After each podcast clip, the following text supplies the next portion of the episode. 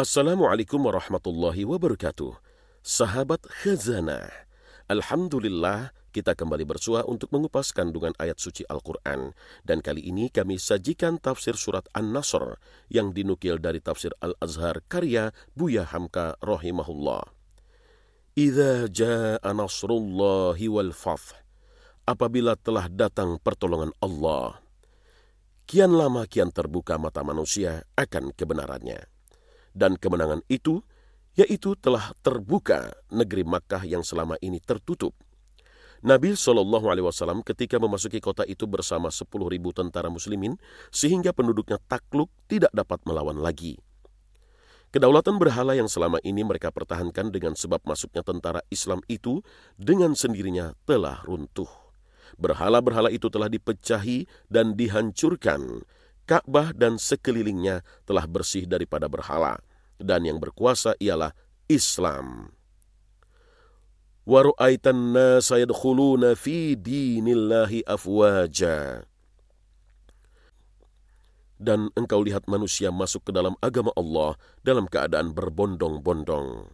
Artinya bahwa manusia pun datanglah berduyun-duyun, berbondong-bondong dari seluruh penjuru tanah Arab, dari berbagai suku dan kabilah mereka datang menghadap Nabi, menyatakan diri mereka, mulai saat itu mengakui agama Islam, mengucapkan bahwa memang tidak ada Tuhan melainkan Allah, Muhammad adalah Rasul Allah.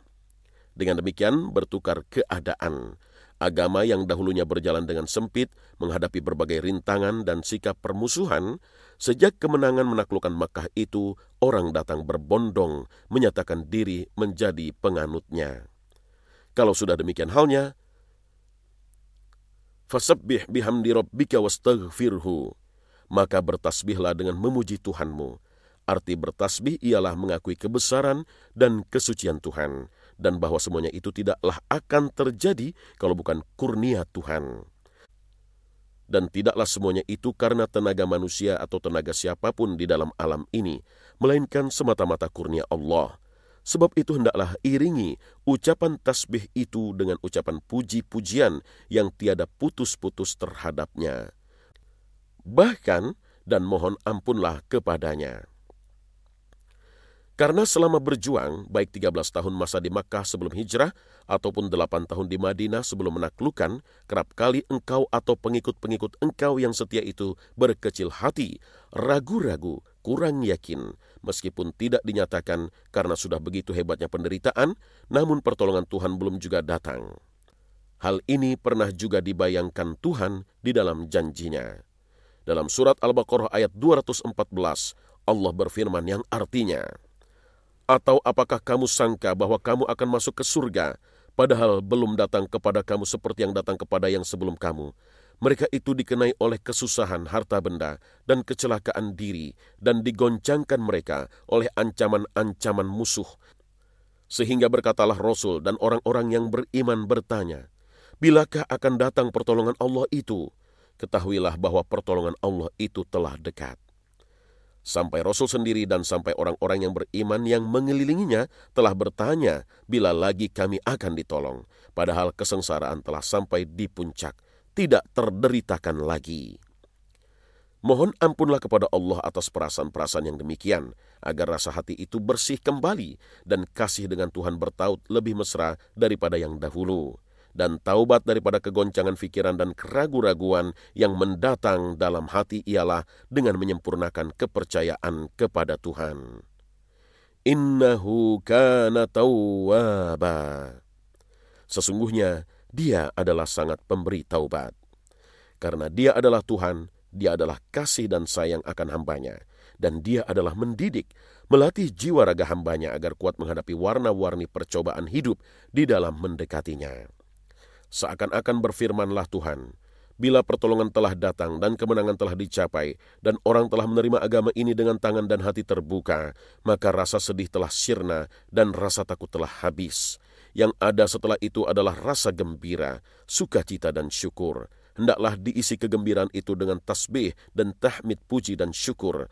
Tabah, kuatkan hati mendekatinya. Jangan takabur dan jangan lupa diri.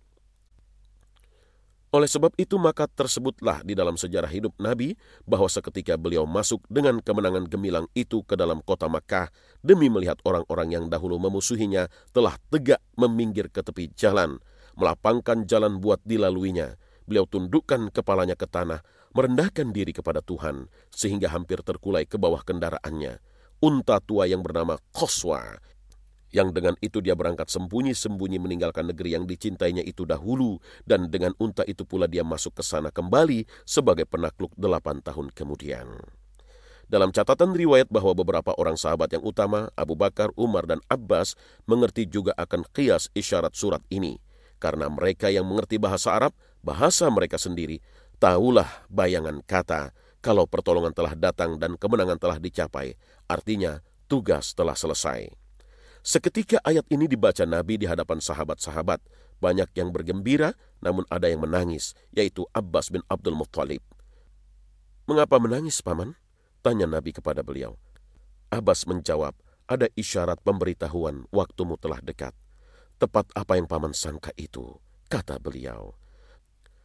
Dan hanya 60 hari saja, sesudah beliau bercakap-cakap hal itu dengan Nabi, memang berpulanglah Nabi ke hadirat Tuhan. Semoga uraian singkat tafsir Buya Hamka Al-Azhar menjadi jalan menuju hidayah bagi kita dan menjadi pelita di tengah kegelapan. Wassalamualaikum warahmatullahi wabarakatuh.